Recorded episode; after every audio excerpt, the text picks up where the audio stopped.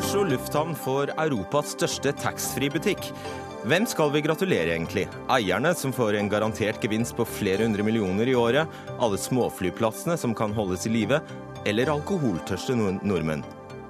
Solveig Horne vil lempe på kravene og tilby lavere standard på omsorgssentre for asylbarn. Hun tar fra disse barna akkurat det de trenger mest, advarer Redd Barna. Fra nyttår er Bane Nor det nye navnet på Jernbaneverket. Eller var det Bane NOR? Uansett et uheldig og uklokt navnevalg, sier Språkrådet, som ikke ble hørt. Og på det private Manglerudhjemmet i Oslo har de eldre spa, pub med hjemmebrygget øl og butikk med kafé. Forsvinner all kosen når kommunen overtar om noen år?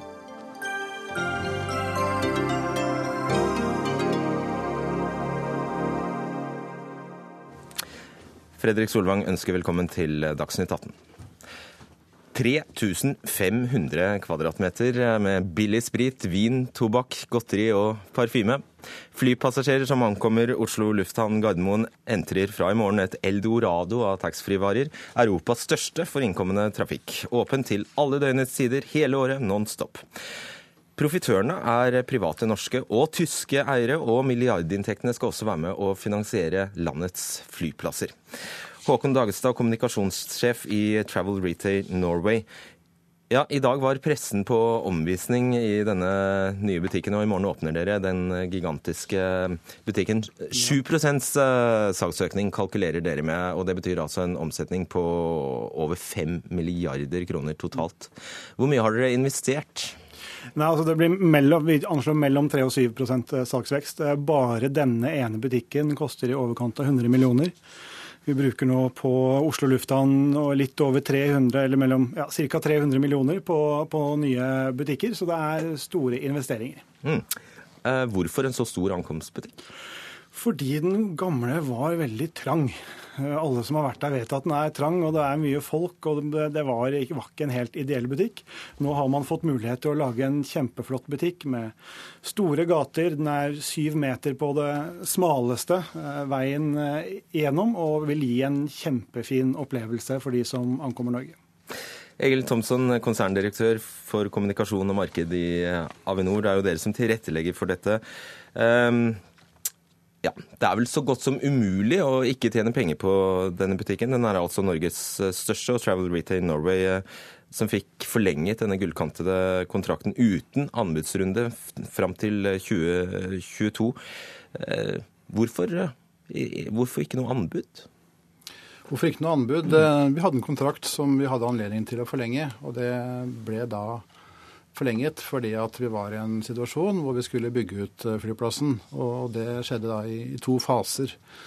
Eh, så, så det, er, det, er, grunnen. Og i tillegg så, så, vi, så fikk vi under reforhandlingen en bedre inntjening for oss. Så, så, vi mener at det var en lønnsom eh, forlengelse av kontrakten. Det vet du jo ikke når du ikke har testet det i markedet? Nei, man gjør ikke det. Man gjør ikke det. og da må man, da må, man, ta et valg. På vegne av oss alle? Ja, nettopp. Det er det vi er satt til.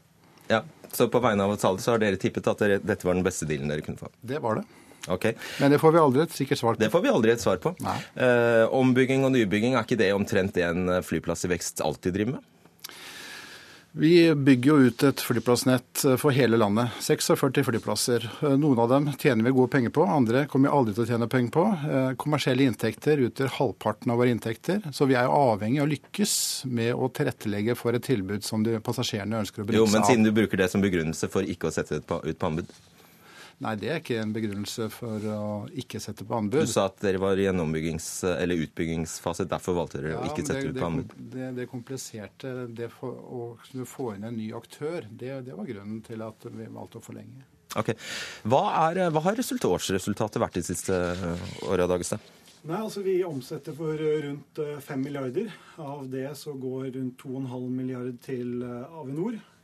Eh, og så har TRN sittet på overkant av 250 millioner kroner. 250 millioner kroner i kassa hvert eneste år i overskudd. Ja, De siste årene. Det, det var jo en eh, mager eh, start. Eh, I 2005 så har jo omsetningen økt deretter. Først fikk man ankomstbutikken, og så utvidet jo også de rød-grønne kvotene, som gjorde at omsetningen da også har, har økt. Så fram mot denne avtalens slutt, altså i 2022 så er det rimelig å anta at dere har tjent Altså eierne, som da er tyske Heinemann, Norgesgruppen og investor Terje Stykke, kan ha tjent sånn 1,5 milliard kroner ca. Ja, cirka.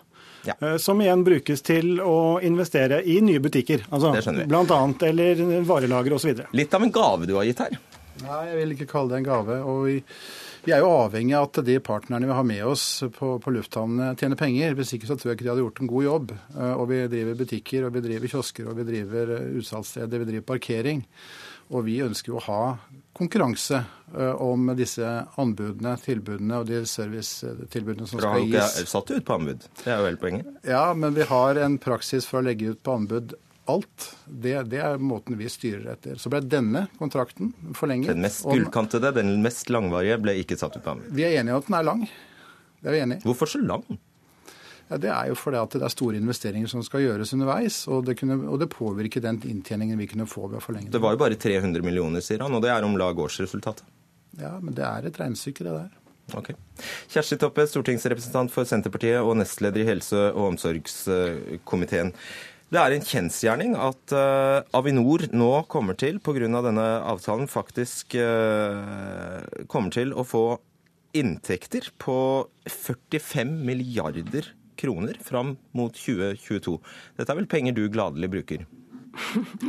Eh, ja, eh, det, det, er jo ikke noe problem. Eh, men det er jo òg en kjensgjerning at dette er inntekter som en får ved å selge avgiftsfri tobakk og alkohol. Og det er det som vi politisk eh, synes er problematisk med den type finansiering, det er nettopp at de samme varene har jo det har store folkehelsekonsekvenser i Norge og er ellers i samfunnet eh, eh, regulert med både krav til, til pris og avgifter og åpningstider på, på salgsstedene. Så, Men aldeles lovlige varer?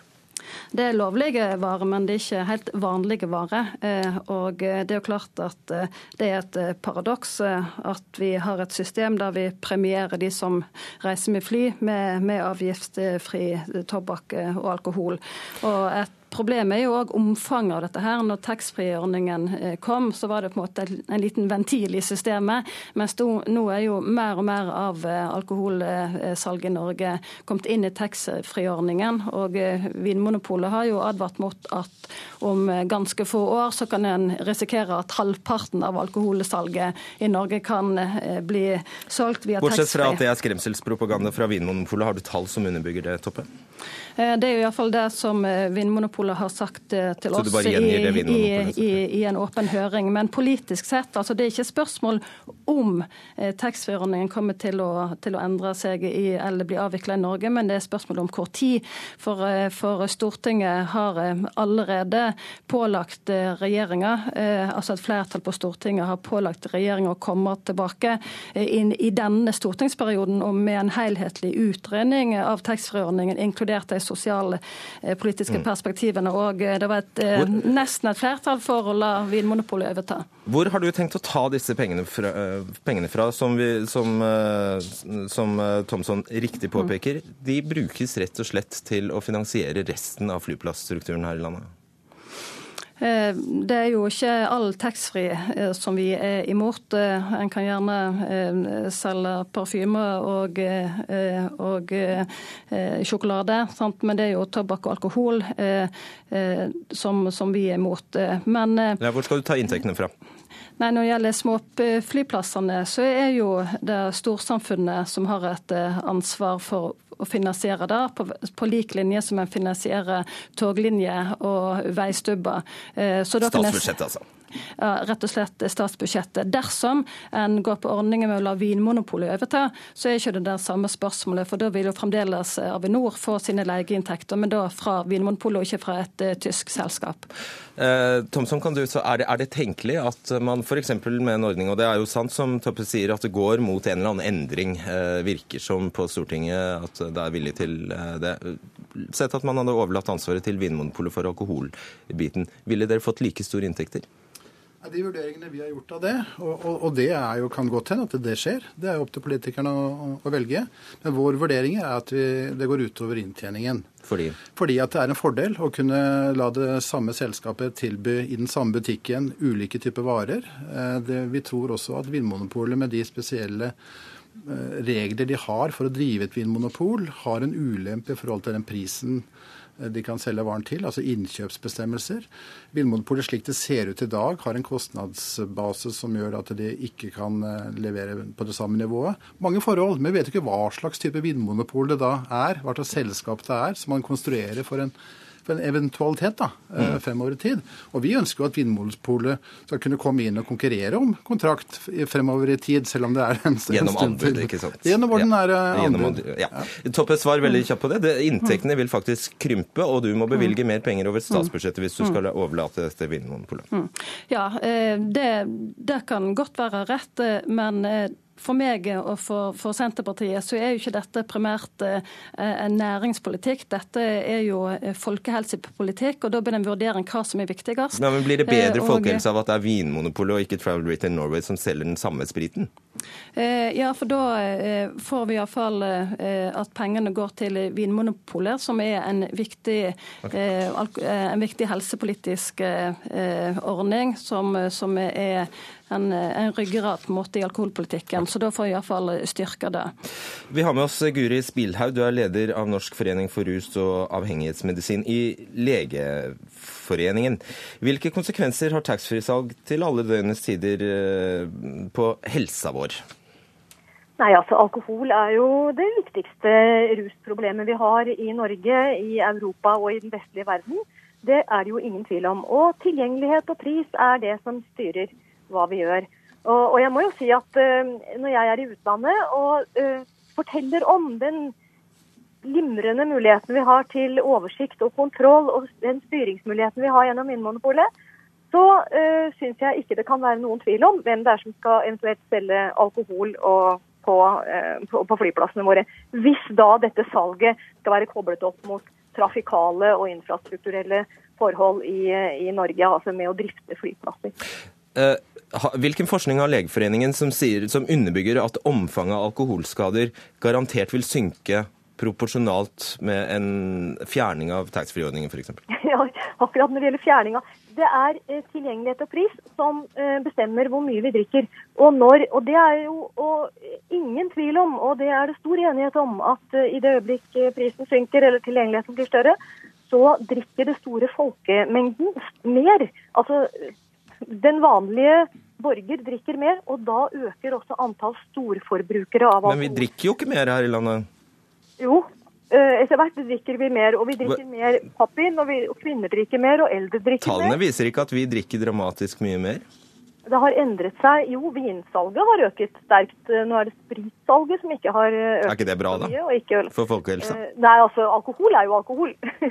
Så hva man, eh, hva, I hvilken form man inntar det, det, det kan jo være det samme. Men, men, det er altså slik at årlige samfunnsmessige kostnader pga. alkohol er ca. 18 milliarder kroner. Mm.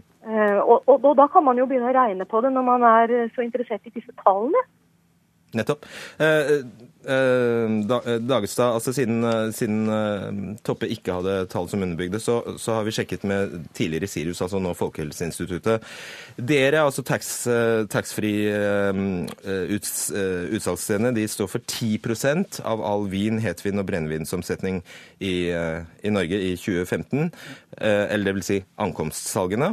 Og så sier Folkehelseinstituttet at salget til hver reisende har vært stabilt de siste årene, men økte noe etter denne kvoteutvidelsen i 2014. Og så legger de til at det er en ganske nøyaktig sammenheng mellom hvor mye vi reiser og salget av taxfree-varer eller alkohol. Altså det betyr at når Avinor legger opp til en at vi skal reise mer, så blir det økt salg. Ja, det gjør det. Jo flere passasjerer, jo, jo, jo, flere, jo flere, kunder. Det er ikke nødvendigvis de samme menneskene. Men det ble snakket her om tilgjengelighet i sted. Uh, altså For å være tilgjengelig i våre butikker, så må du altså reise ut av landet. Uh, det, er ikke, det er ikke kjempetilgjengelig. Jeg er enig i at prisene er lave, men det er veldig lite tilgjengelige uh, butikker. og Ser man på i, i utlandet og sammenligner Det er jo bare så, de få som kan reise utenlands? Det er jo, De fleste reiser én gang, og så er det noen som, som, reiser mer. Og Det andre som er viktig, er at altså, vi er underlagt de samme reglene som Vinmonopolet. Det er de samme reglene for salg, de samme reglene for alderskontroll, samme regler for markedsføring. Akkurat det samme. Vi rapporterer alt vårt salg til Folkehelseinstituttet. Eh, det som derimot ikke er regulert noe som helst under eh, norske lover, er selvfølgelig når eh, nordmenn handler i utlandet og ta med seg varene hjem. Og som man sikkert har sett, Har man vært på en 7-Eleven i Spania, så kan du få en flaske med sprit der rimelig billig og ta med hjem. Og vi vil mye heller at det kjøpes i Norge. Og Hvordan har du tenkt å løse det problemet, Toppe? Eh, det er jo en, det er mange spørsmål som, som, kommer opp når det gjelder taxfree-salget og, og kvoter fra, fra, utlandet. Eh, det som, som, programkomiteen til Senterpartiet tar opp, det er jo en vilje til å se på ordningen. Til å, å ha stilt spørsmål om er, er det rett eh, å la flypassasjerer få avgiftsfri alkohol og tobakk, og særlig et folkehelseperspektiv. Skal vi la Vinmonopolet overta? Skal vi se på andre ordninger på å finansiere flyplasstilbudet vårt enn eh, en salg av alkohol og tobakk. Og Det er et, eh, det er et eh, overordnet politisk spørsmål, og det er gode grunner for å se på taxfree-ordningen. Men ja, det er òg en del spørsmål som må avklares. Og som engasjert samfunnsborger, Thomsen, så må du vel klare å se at når dere legger opp til en trafikkvekst som forskerne sier uvegerlig vil føre til en salgsvekst av taxfree alkohol, så Står dette i motstrid til de øvrige formålene for norsk eh, alkoholpolitikk? Ja, Det er naturligvis en sammenheng med hvor mange som reiser og hvor mye som, som, omsettes. Det vi har sett de siste par årene, er jo at omsetningen har gått noe ned. At det er færre som velger å handle enn det det er. Men jeg syns det er flott at, at denne, dette temaet er oppe til debatt og blir belyst. For, for, man trenger fakta. Mest mulig fakta inn i diskusjonen. Og en av forholdene som ikke legges vekt på, det er jo at den som blir mest glad om man kutter salget hos oss, det er jo våre naboflyplasser. Kastrup og Arlanda osv. Så, videre. så da, hvis man ønsker også å gjøre noe med innførselen, så kan man ikke bare se på det som handles på lufthavna. Da må man jo se på totaliteten. Så, jeg, Vi ønsker velkommen enhver diskusjon rundt dette. Så skal vi bringe fakta inn, og så får politikerne bestemme hva de ønsker å gjøre. Det er sånn det er. Fakta. Takk skal dere ha, Egil Thomsen, eh, Håkon Dagestad, Kjersti Toppe og Guri Spilhaug.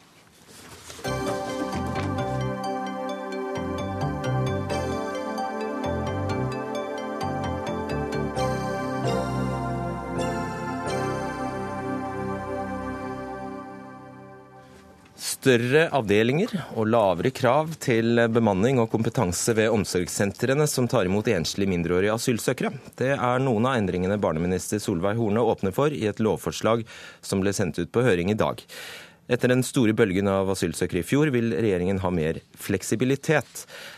Kai Morten Terning, statssekretær for Solveig Horne i Barne- og likestillingsdepartementet for Fremskrittspartiet. Hva betyr det egentlig? Fleksibilitet for hvem? Det betyr fleksibilitet i tilbudet til de barna som har behov og trenger en god oppfølging. Det står faktisk at det er regjeringen som får fleksibilitet. Ja, ok. Det, var, det er en uheldig omformulering. Selvsagt så er det for å gi et godt tilbud, uavhengig av hvor stor asylankomstene er. Vi så i fjor høst at det var utrolig krevende å få på plass et godt nok tilbud når vi opplevde en stor vekst i antallet barn som kom til Norge og søkte asyl. Det gjorde at vi så, på at, vi så at det var nødvendig å gjøre noe med lovverket. Selv om vi åpner opp nå for at dette tilbudet kan være ulikt, så er ikke dermed sagt at vi skal gjøre det. Dette tilbudet skal alltid baseres på sier, en barnefaglig vurdering i hver enkelt tilfelle. Og når du sier ulikt, det betyr også dårligere? Nei, altså i noen er At vi skal alltid gjøre en barnefaglig vurdering. og Det er Barne-, ungdoms- og familieetaten i dag som har ansvar for dette tilbudet. Vi foreslår at de skal ha ansvar for det tilbudet i fremtiden òg. Det betyr at de skal gjøre en barnefaglig vurdering om hvilke ja, men, tilbud enkelte barn trenger. Dette er nytt for, for de fleste ja. av oss. Bare, det er et enkelt spørsmål. Betyr, eh, kan det bety dårligere tilbud? Det kan bety at noen vil få mindre voksenkontakt på den avdelingen det eller færre voksne per barn. Eh, men denne regjeringen har ingen planer om å redusere dette tilbudet. Dette vil være i stor grad aktuelt hvis vi opplever tilsvarende eh, tilstand som vi hadde i fjor, det var en utrolig utfordring med å få plass nok plasser til disse sårbare barna. Mm. Tove Wang, du er generalsekretær i Redd Barna. Uh, ja, altså, Dere har snakket med barna det gjelder her, og til helt tilfeldigvis la dere fram en rapport om akkurat dette her i dag. Hva sier de mindreårige asylsøkerne til dere? Vi har snakket med 78 barn som har eh, flyktet gjennom Europa og kommet eh, til Norge. Og så har de vært i Norge i ulik eh, tidsrom. Dette er barn med tung bagasje, i den forstand at mange av de har vært på flukt lenge, måneder og noen år. De har en farefull flukt bak seg. Noen har blitt beskutt, noen har vært nær ved å drukne, noen har sett noen drukne. Noen har sett foreldre sette igjen barna sine fordi de ikke maktet å ta dem med videre. Eh, de har mye eh, med seg til Norge. Og det de sier veldig, veldig tydelig, er stikk i strid med det som dette nye forslaget åpner opp for. De sier vi trenger flere voksne. Vi trenger mer voksenkontakt. Vi trenger voksne som kan gi oss omsorg eh, og lytte til oss og ha, ha, nærhet til flere voksne. Det er det første de ønsker seg. Og bare for ordens skyld, Det vi snakker om, er altså barn eh, under 15 år? Altså... Vi snakker om de som er opptil 15 år, og som i dag er underlagt barnevern og barnevernsloven, og som har et bra tilbud i dag. Og flyktningebarn de trenger ikke å få redusert tilbudet sitt. De trenger faktisk et bedre tilbud. Men det, det er jo noe av debatten her. For Mimmi Kvisvik, leder i Fellesorganisasjonen. Situasjonen har vel heller vært den at de har ikke hatt et tilbud nødvendigvis, fordi det har ikke vært kapasitet. Nei, Vi og våre medlemmer har allerede vært eh, bekymra nok for disse barna. Vi, eh, og vært opptatt av at eh, barnevernet skulle ta ansvar også for de over 15 år, de mellom 15 og 18 år. Og nå får vi et lovforslag som går akkurat motsatt vei. Og det er klart at det åpner jo også for at man kan gjøre noe i forhold til krav til både kvalitet og kompetanse. Eh, og ja, men Når det gjelder dette med kapasiteten, bare ta det. Altså, I fjor eh, kom det om lag 850 eh, enslige mindreårige asylsøkere under 15, og man hadde da 160 plasser på omsorgssentre. Du kaller det et godt tilbud, men for oss andre så går ikke den ligningen Det, det regnestykket går jo ikke opp. Så hva skjer? Altså, da må det jo være bedre at man firer noen på kravene i eh, en situasjon der det kommer bare veldig mange. Nei, men jeg tror det blir veldig kostbart å fire på disse eh, kravene. Det blir kostbart eh, knytta opp til den enkelte eh, unge, og det blir kostbart i forhold til samfunnet på, Hva vil du gjøre, sikt. Da? Eh, jeg vil at eh, det skal være sånn i Norge at eh, barnevernet har ansvar for alle barn som trenger en omsorg som foreldre ikke kan yte. Mm. Ja, men La meg først bare understreke hvilket tilbud vi snakker om nå. Dette er det tilbudet som de får, enslige mindre asylsøkere får rett etter de har kommet til Norge, mens de venter på å behandle asylsøknaden sin, og før de skal behandle sin kommune. Så i snitt ni måneder? I snitt ni måneder. Den var kortere før denne situasjonen oppsto eh, i, eh, i, i, fjor. Sånn at dette er en midlertidig opphold der skikkelig integrering skal foregå, er nede i kommunene. Eh, og eh, hva skjer, bare Svar på dette her med de altså store spriket mellom antallet som ankommer og antall plasser. Hva skjer, hva skjer med de barna da? Altså, Vi klarte det i fjor. Eh, og Det skyldes at vi hadde en del private aktører som klarte å omstille seg kjapt og få på plass et tilbud. Det, var helt avhengig av at de klarte det. Om vi klarer det neste eh, periode, det, ikke, det kan vi ikke garantere. Og for det andre, altså noe av det vi foreslår, er å da i en avdeling f.eks. der det bor ti barn, og der det er en, allerede en god avdeling, det å gå fra énsengsrom til tosengsrom så lenge det er faglig forsvarlig, og at de som jobber der, gjør, eh, vurderer at det ikke er noe negativt for barna, så ser jeg ikke det som et problem. Det viktigste er at de kan være der en periode, få en god oppfølging, være med andre barn i samme situasjon, så de kan forberede seg å komme ut i en kommune og bli godt integrert i landet hvis de får opp vedtak om opphold. Det er, det er veldig vanskelig å forstå at dette er ment å være bra for barn. Eh, jeg, jeg syns dere strever fælt med å forklare at ja, dette skal være bra for barn. Dere legger lista lavere, så det skal bli litt lettere å hoppe over når det kommer mange barn. Eller man alle kan forstår... kanskje si at det er en litt mer, mer, realistisk list. Nei, men Alle forstår at det er strevsomt når du har stor tilstrømning, men da må man ha noen standarder, standarder å holde seg til. Det er derfor du har rettigheter og standarder og lovverk men... når du får en krevende situasjon. Du senker ikke lista for å hoppe over. Du må gi det de ressursene og den tiden det tar, og, og sørge for at de barna faktisk får sine eh, rettigheter innfridd. Og så er det én ting til, og det er at man snakker som om disse barna krever en egen lov, en særegen lov for en gruppe barn. Det er en farlig vei å gå. Dette er barn på norsk jord. Norske myndigheter har forpliktet seg til å behandle barn på norsk jord likt. Derfor er barnevernet smart. For det gjelder norske barn, og det bør også gjelde disse barna. Ja, Hvorfor trenger de en egen lov? Men det er, en stor forskjell på ordinære barnevernsbarn og denne gruppen her. La meg først si det for det første. Den store andelen av de som er i barnevernet av barn, får hjelpetiltak i hjemmet. Og den store andelen av de som da er under barnas omsorg, får hjelp, eh, er, bor i en fosterfamilie. Det er kun en liten andel av de som er under barnas omsorg, som bor i institusjoner. Og Det er gjerne spesialiserte tilbud, rus, psykiatri osv. Fordi at det er, tilbud som man ikke klarer å bygge opp i den enkelte familie eller i lokalt i hjemmet. Det, og mange av disse barna ja, de, ha, de, trenger et godt tilbud den perioden de skal være i omsorgssentrene og når de er i kommunene. Men de er ulike, disse òg. Og da må man kunne gjøre en individuell vurdering okay. av hvilke tilbud en trenger. Individuell vurdering er bra. Ja, det står veldig klart i, i, i høringsinnspillet. Det står veldig klart i, i lovforslaget òg at det skal være individuell vurdering, og det skal være barnefaglig vurdering i ligger til grunn. Ja, det gjør vi absolutt. Hvis vi opplever en tilsvarende situasjon, eller en, en situasjon neste, eh, neste år f.eks. Så skal du ha hjemmel til å fire på kravene? Ja. Vi, vi, må ha et tilbud, godt tilbud som kommer. Ja, okay. Det er utfordrende. Kvis, Kvisvis, jeg glemte å forklare hva dere er, da, for, for uh, de lytterne som ikke er fullt klar over det. Altså, dere Fellesorganisasjonen eh, organiserer da barnevernspedagoger og, og sosionomer. og Mange av disse jobber jo med disse barna. Men dere har nå allerede, altså samme dag som denne høringen ble sendt ut, så, så vender dere tommelen uh, ned. Er det sånn å forstå? Hva, det som er inkludert i dette forslaget, er jo f.eks. at små barn nå skal kunne komme inn i en, få en familie. Mm. Ja. Hvordan rimer det? Altså, når ble det FOs oppgave å gå imot det? Nei. Og det er bra, og det har det vært rom til også i barnevernsloven. Og det har ikke, vært noen som helst grunn til å løfte de som er under 15 år, ut av barnevernets eh, ansvar og over i en særlov. Man skulle heller løfta noen inn. Eh, og det er heller ingen grunn til at man ikke skulle ha omsorgssentrene hjemla i barnevernsloven, sånn som man har hatt, men lage en helt særegen lov.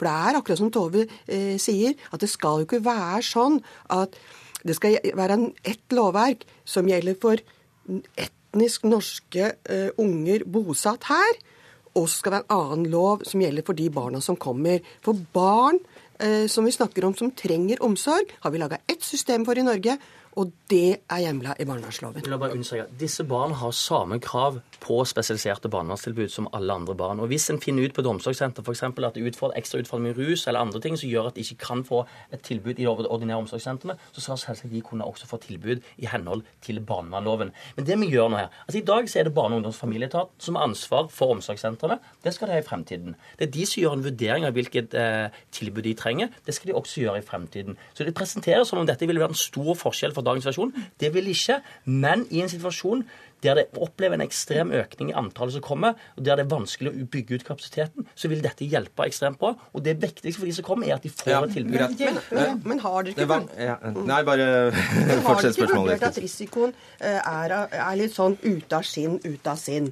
Man tar og løfter ut ansvaret for én gruppe unger til et annet lovverk. Men, men, ja, men annet det har jo faktisk tidligere vært på ligge i barnevernsloven. Der kunne det fortsatt ligge. Men den samme etaten og de samme folket skal jobbe med å vurdere hvilke tilbud disse skal ha, og så organisere okay. det tilbudet. Så det er liksom, det er liksom ikke den store forskjellen som presenteres her. Men hvorfor gjør dere det da? Ja, fordi vi trenger fleksibilitet i tilfelle vi opplever men, men det, er der i dag. Det er poenget, at dere trenger fleksibilitet. Og jeg tror kanskje ikke det var en skrivefeil at det var en fleksibilitet for departementet, som programlederen her begynte med. Men det er for tilbudet. Altså, det er ingenting med det Nei, men Det er en fleksibilitet for å la, legge lista lavere. Nei, det er det dere ber om. Ha et tilbud alle som kommer. Nei, dette, det, det, står ikke til troverdighet når man leser noe av det som står i, denne, nei, i denne lov, dette lovforslaget. Nå er det bra at det er høringsfrist på ni uker. Dere kommer til å få mange faglige uh, vurderinger. Og dere må lytte til barna som faktisk sitter i denne situasjonen. Det plikter dere å gjøre. Det er faktisk grunnlovsfestet. Ja. Og så bør dere lytte til de som jobber tett på, er nær den situasjonen barna er i og ta det på alvor. Er det penger å spare på dette her? Altså, Hver plass koster gjennomsnitt 1,9 millioner kroner hver år. Så klart, En må alltid vurdere hvordan man benytter disse ressursene på en god nok måte. Men det er ikke hovedformålet med denne endringen å gjøre noe endringer, store endringer i tilbudet per dags Nei, Det ville du neppe ha sagt, men er det penger å tjene på det? Eller spare på det? Altså, Kostnaden per plass er 1,9 millioner kroner, og det er mye, mye, penger. Men disse barna trenger et stort og godt, et godt tilbud òg, og det skal de få.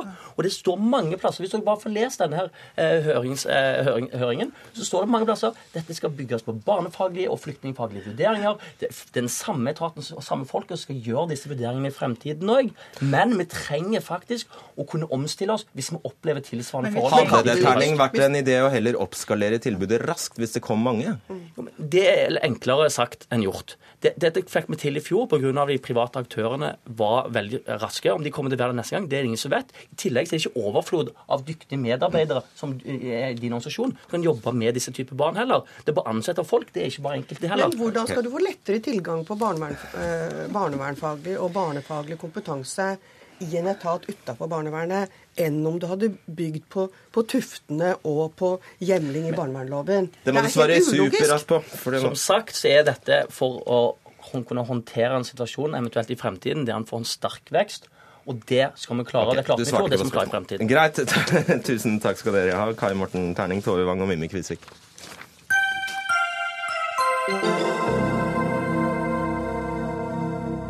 En gang i tiden hadde vi Televerket, Luftfartsverket, Postverket og Jernbaneverket. Men nå har alle disse verkene fått mer fancy og mindre selvforklarende navn som Telenor, Avinor, Bring og Bane Nor SF. Sist ut er altså Jernbaneverket, som ved nyttår skifter eh, navn til nettopp Bane Mellomrom Nor SF, eller kanskje det er NORSF. Det statlige selskapet ga oppdraget til Scandinavian Design Group, som fikk en halv million kroner for å komme på det nye navnet og logoen, skriver Medier24. Og så viser det seg at Språkrådet rett og slett mener navnet ikke burde vært brukt i det hele tatt. Vi starter med deg, Siri Hatlen. Du er styreleder i Bane NOR, eller NOR. Fortell oss først, hvordan skal dette uttales? Eh, det skal uttales Bane NOR. SF, sant? SF er statsforetak. Ja. Uh, og det som skjer, er ikke at uh, Jernbaneverket skifter navn, men fra nyttår blir det nåværende Jernbaneverket delt i to virksomheter. Et direktorat og et statsforetak som også skal omfatte Rom Eiendom, som i dag ligger i NSB. Slik at det å videreføre navnet Jernbaneverket på det nye statsforetaket er derfor ikke et alternativ, slik vi ser det. Det hadde vel ikke vært umulig? Det er ikke den samme virksomheten.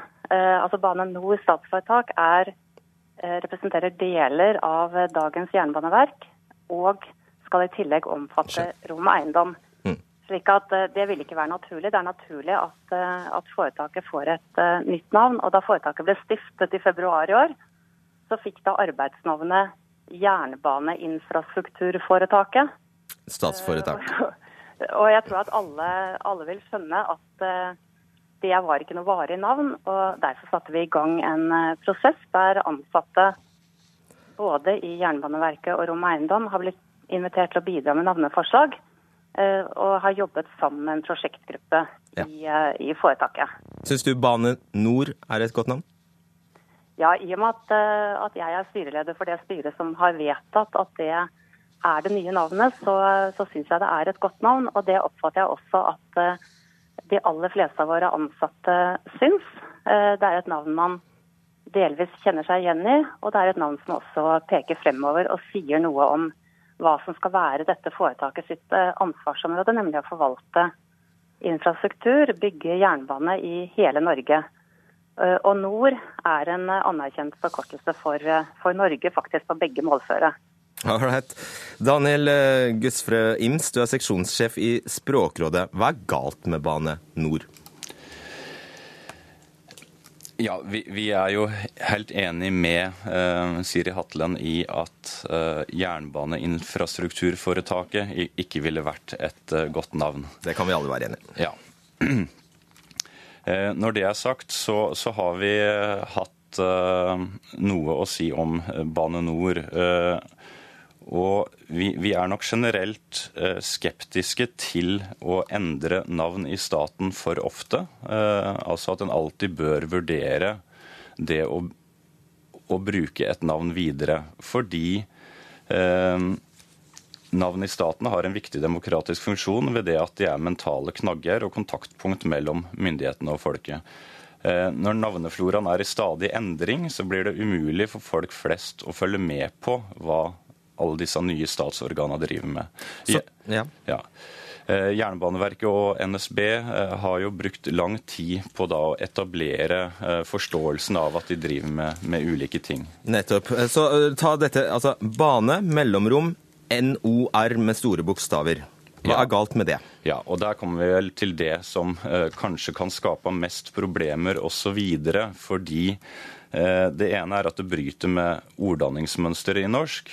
Eh, men eh, ved at det er omvendt rekkefølge på ord. Eh, men det er for så vidt etablert som i Telenor, i Avinor, Graminor osv. Det er mm. flere statstilknytta virksomheter som har den oppbygginga.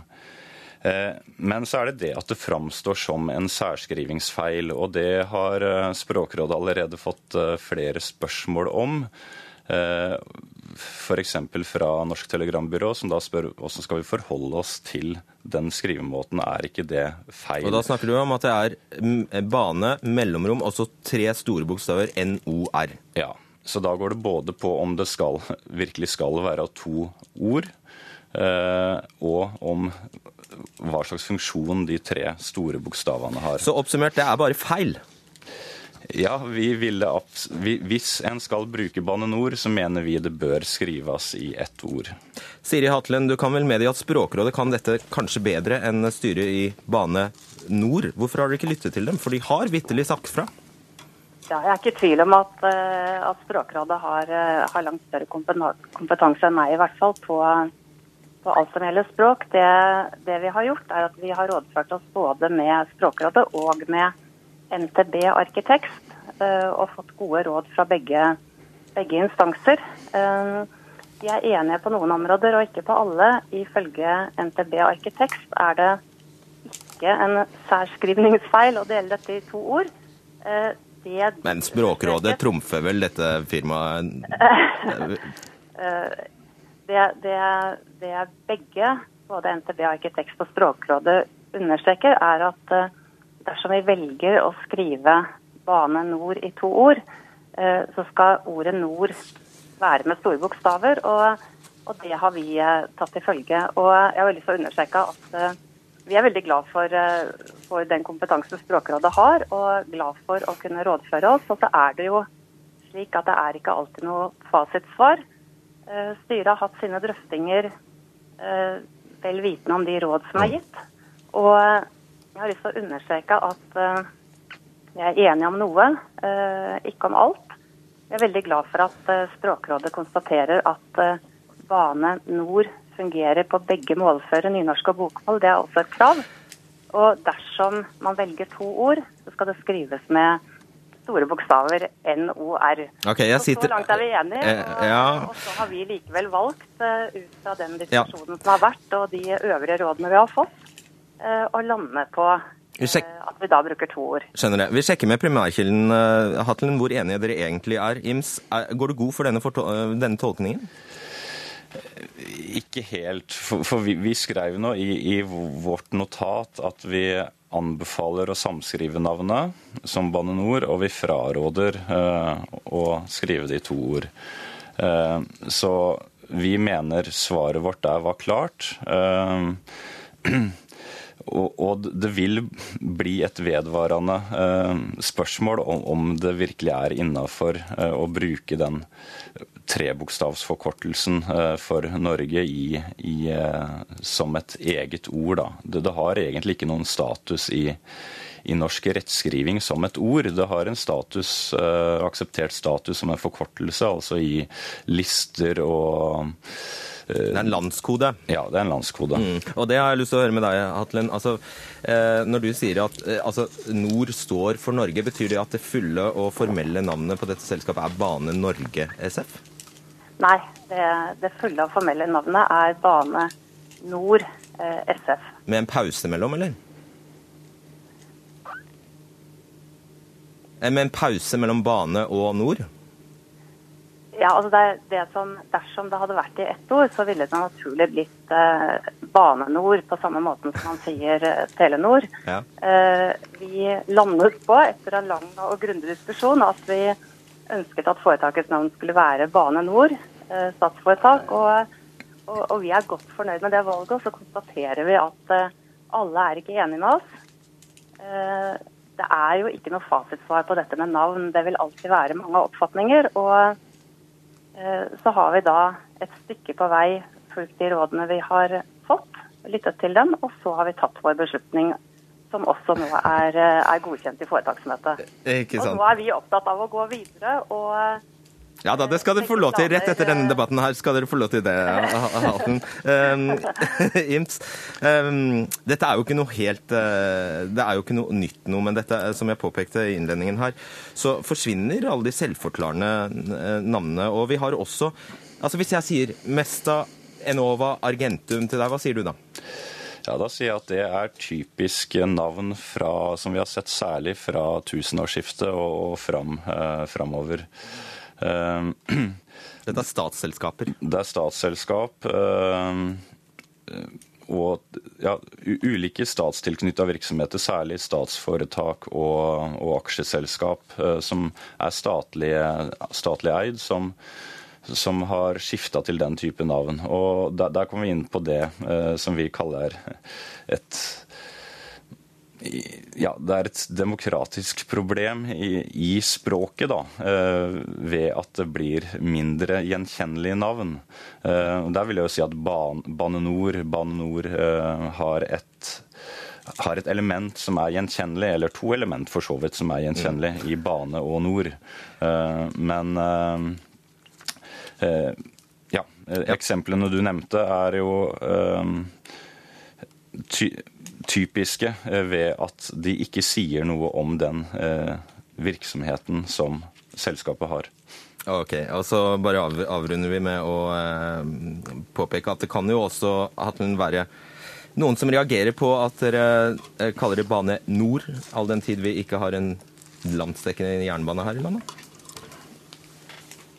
Ja, det, det kan godt være. Vi, vi syns som sagt at det, er et, at det er et godt navn. Og vi jobber for fullt nå med å få foretaket etablert og klart til å gå i drift eh, første i første. Og har stor fokus på at dette skal bli et foretak som, eh, som gir gode tjenester til, eh, til alle de kundene som vi er ansvarlig for. Lykke til med Bane Pust Nord SF, Siri Hatten, og takk til deg, Daniel. Bare hyggelig. Daniel Gudsfred, takk til Ims, takk til deg også.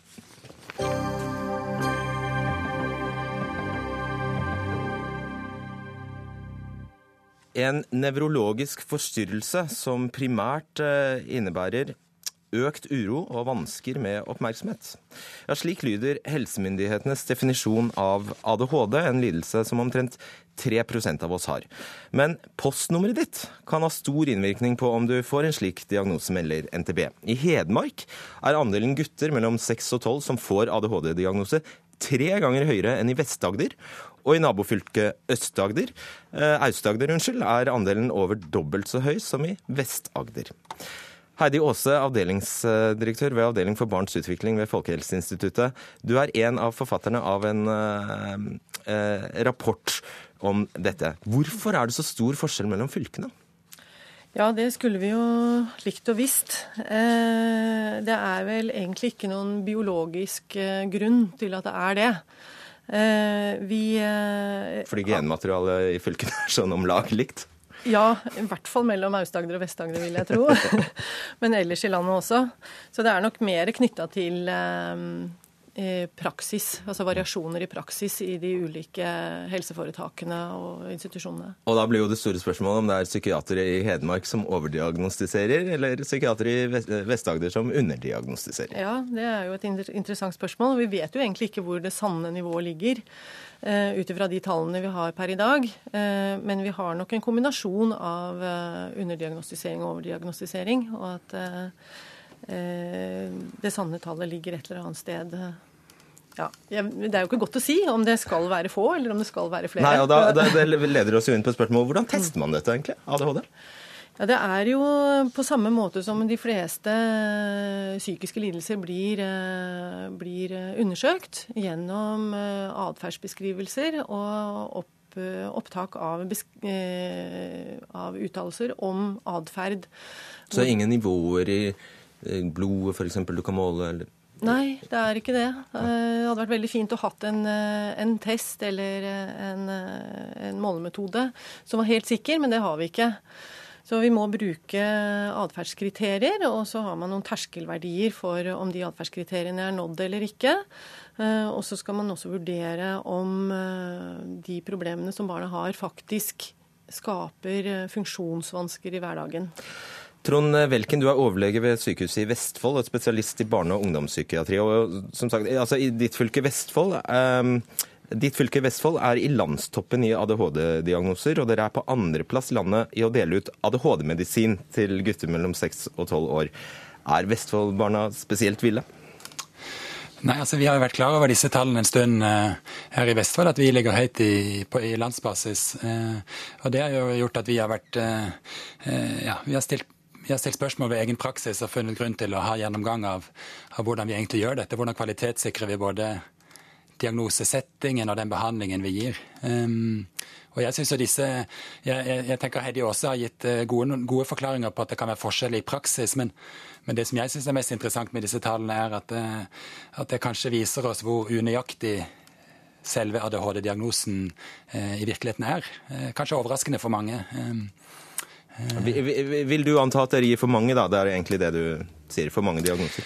Ja, jeg må nok si at Min bekymring er at vi, at vi har for stort fokus på ADHD. At vi risikerer å gå glipp av andre viktige moment i barns liv. Eh, eh, ADHD er jo et forsøk på å, å gi en årsaksforklaring til at et barn er urolig og ukonsentrert. Eh, faren er jo at vi som sagt går glipp av, av, av andre viktige faktorer i det barnets liv. Og det gjør kanskje at vi ikke Hva mener du med det? Nei, det kan jo dreie seg om at ikke vi blir oppmerksomme nok på at det, er, at det er betingelser i miljøet som ikke er optimalt. Det kan være barn som er lei seg eller urolig fordi at det har det vanskelig. Det kan være Det som gjør mest inntrykk, er jo de gangene vi tar feil. og og, og, og, peker på ADHD når det, har, når det, viser seg i virkeligheten være et barn som har vært utsatt for omsorgssvikt eller alvorlig vold. Det er kanskje det som gjør mest inntrykk i retten. Og da er det jo altså slik at man medisinerer også. Uh, og det Ja, det er ikke, ja, det er ikke, noe, helt, det er ikke noe automatikk i det, hvis jeg får lov til å fortsette. Ja, ja, okay, fortsett. Unnskyld. Ja. Det, det, er jo ikke noe helt automatikk i at man må medisinere et barn med ADHD. Men, men, er det men, det som skjer, da? I Tallene viser at det er det som skjer i, i de aller fleste tilfellene. Og, og, og, mekanismene som drar i retning av medisinering, de er ganske sterke og vanskelig å stå imot. Og alle skjønner at det ikke er helt bra også? Nei, det, det er jo ikke bra. Vi skal ikke medisinere barn som har det vanskelig hjemme. Det hjelper dem ikke. Jeg tenker at altså, Hvis man overser alternative forklaringer til barnets atferd, altså alternative forklaringer til at dette her er ADHD, så, så, har man også forsømt seg litt i den kliniske utredningen. For det er nemlig det man må forsikre seg om når man utreder ADHD, at det ikke er alternative forklaringer som bedre kan forklare de eh, symptomene man ser. Men da har man jo nasjonale retningslinjer for, for, for, testing, så hva er det da som går feil? Eh, det, det, vi ser, det er jo at eh, disse retningslinjene som er utgitt av Helsedirektoratet, i eh, altfor liten grad benyttes i de kliniske miljøene rundt omkring i landet. Og jeg tror nok at hvis de i større grad hadde blitt benyttet, så ville vi også sett effekter av det ved eh, noe mer jevne forekomsttall. Mm. Og Velken, jeg vet ikke om det er et uærbødig spørsmål, men altså, hvis det ikke kan testes med biologiske tester, dette her, og vi ser, ser så store geografiske forskjeller, hvordan kan man da vite at ADHD i det hele tatt finnes?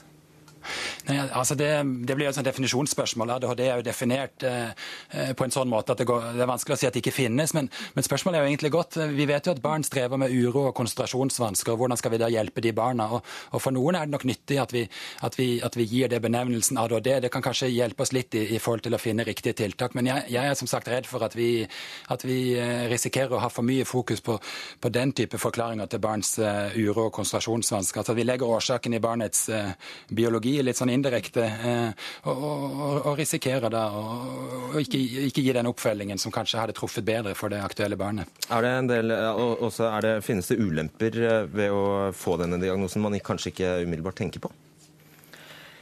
I tillegg til det å, å, bli, å, få medisiner for en tilstand som du ikke har, og hvor man da heller ikke går inn og, og, og gjør noe med det som faktisk er årsaken til de problemene barnet har, så, så vil man jo også heller ikke klare å hjelpe barnet med, med de faktiske problemene. Og er det emosjonelle problemer, er det reaksjoner på forhold i hjemmet, så, så hjelper det fint lite å gi medisiner til til barnet mot det. Og barnet risikerer jo da en, eh, en langvarig historie hvor ting blir eh, verre. Mm. Gjøres det noe nå for å harmonere dette her? Ja, Du kan svare på det. Ja, eh, altså eh, Helsedirektoratet har jo som sagt gitt ut denne veilederen som, eh, og oppfordrer de kliniske miljøene til å benytte denne. I, I, tillegg så gjør vi ved Folkehelseinstituttet nå en undersøkelse hvor vi går gjennom en del eh, journaler til pasienter som har fått diagnosen ADHD, for å se hva som er grunnlaget. Og da går vi i alle helseregionene i landet og, og, og ser på dette grunnlaget. Og, og håper på på den måten at vi kan eh, i, i, større grad få en forståelse for hva det er som skjer eh, i, i, i dette arbeidet. Lykke til med det. Takk skal dere ha, Heidi Aase og Trond Velken.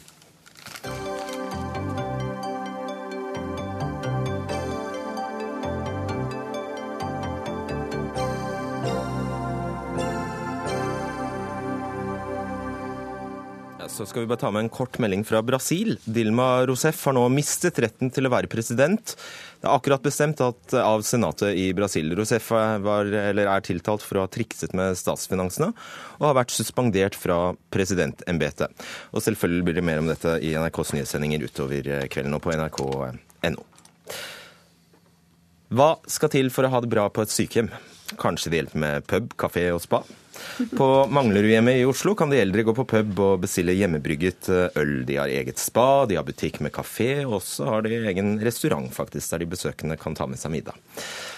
Kanskje har du sett uh, Facebook-videoen som, uh, som har blitt hyppig delt det siste døgnet etter at Aftenposten fortalte denne historien. Men dette er altså et privatdrevet sykehjem, og etter at det nye byrådet kom til makten i Oslo, har de programfestet å fase ut kommersielle aktører. Så det vi alle lurer på, Inga Marte Torkelsen, byråd for eh, eldre, helse og sosiale tjenester for SV.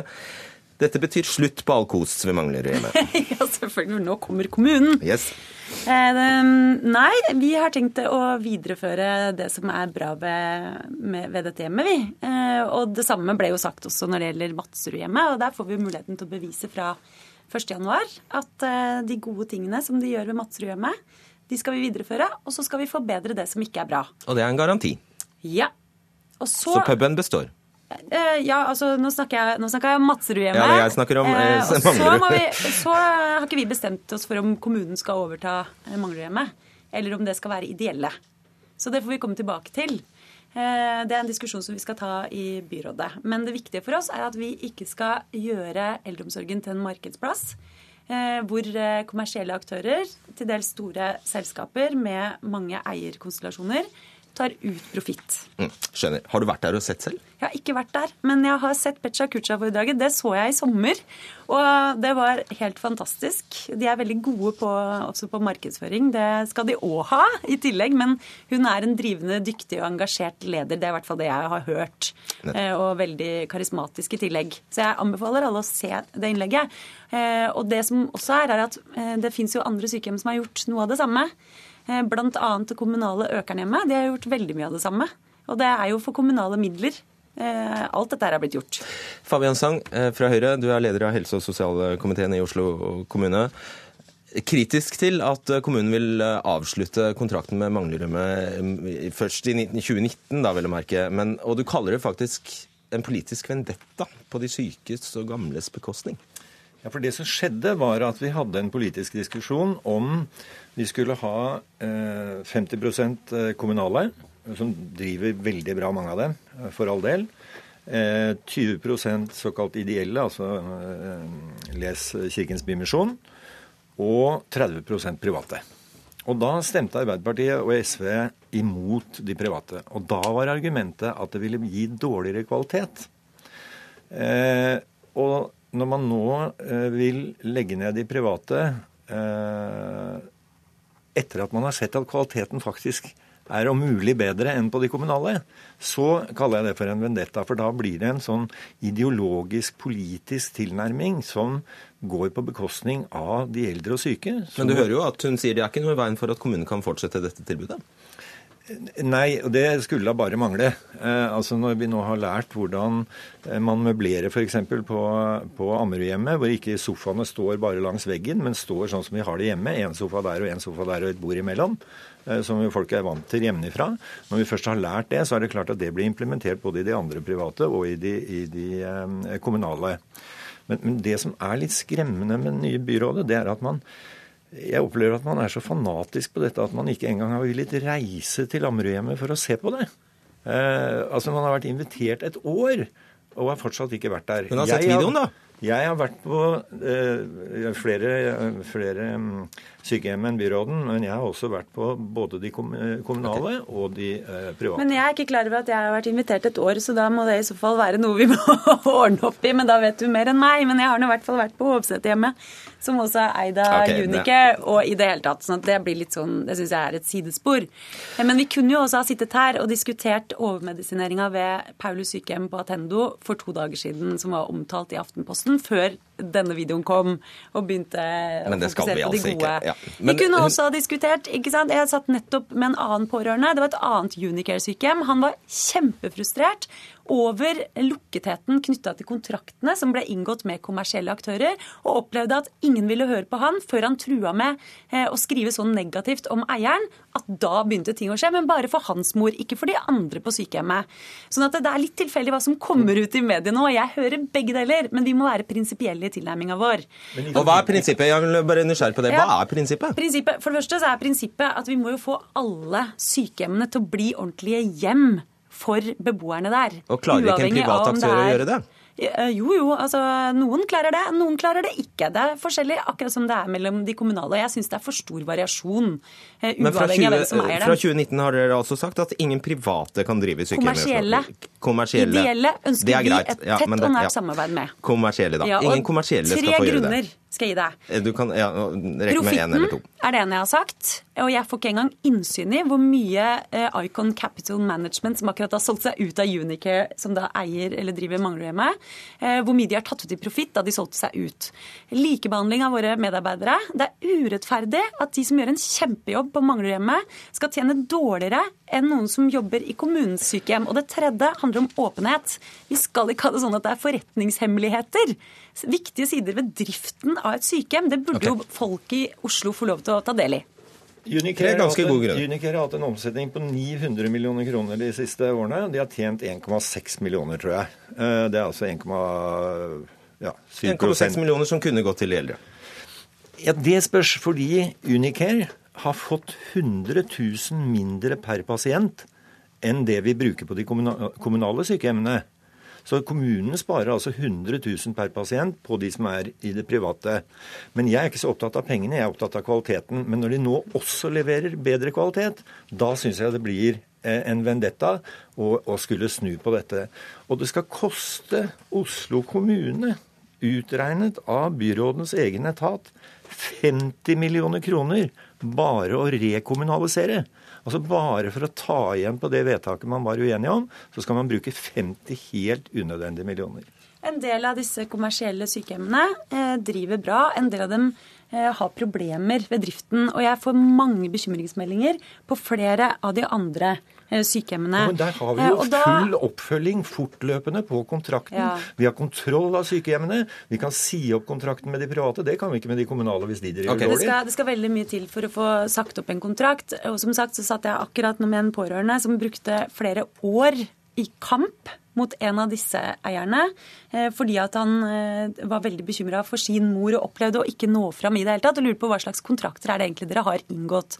Så er, vi er avskåret fra en del viktig informasjon, og det bare, er kritisk til. Svar veldig kjapt på det. Altså når, når kvaliteten beviselig er, er god og faktisk har økt så er det jo meningsløst å legge ned tilbudet er- bare pga. en variabelt. ideologisk kjepphest. Det er veldig variabelt, men vi må jo også stille oss spørsmål om vi syns det er greit at det er så stor forskjell i lønn og pensjoner, til dels også pensjoner, det er litt forskjell avhengig av om du er sykepleier eller om du er eh, i Fagforbundet, eh, mellom våre ansatte, avhengig av om de jobber i kommer et kommersielt sykehjem eller et offentlig, og så gjør de akkurat den samme jobben, og en like viktig jobb. Jeg syns det er urettferdig. Du har fem sekunder cirka. Ja, For sosialistene så er det viktigste at alt er likt. Selv om det, er dårlig, alt er dårlig, så er det bra bare det er likt. Du jeg si Punchline der. én Takk. ting. Nei, det kan du ikke. Okay. Nei. Tusen takk skal dere ha, Fabian Stang og Inga Marte Torkelsen. Fredrik Lauritzen var ansvarlig for Dagsnytt 18, teknisk ansvarlig var Finn Lie, og jeg heter Fredrik Solvang. Vi ses i morgen.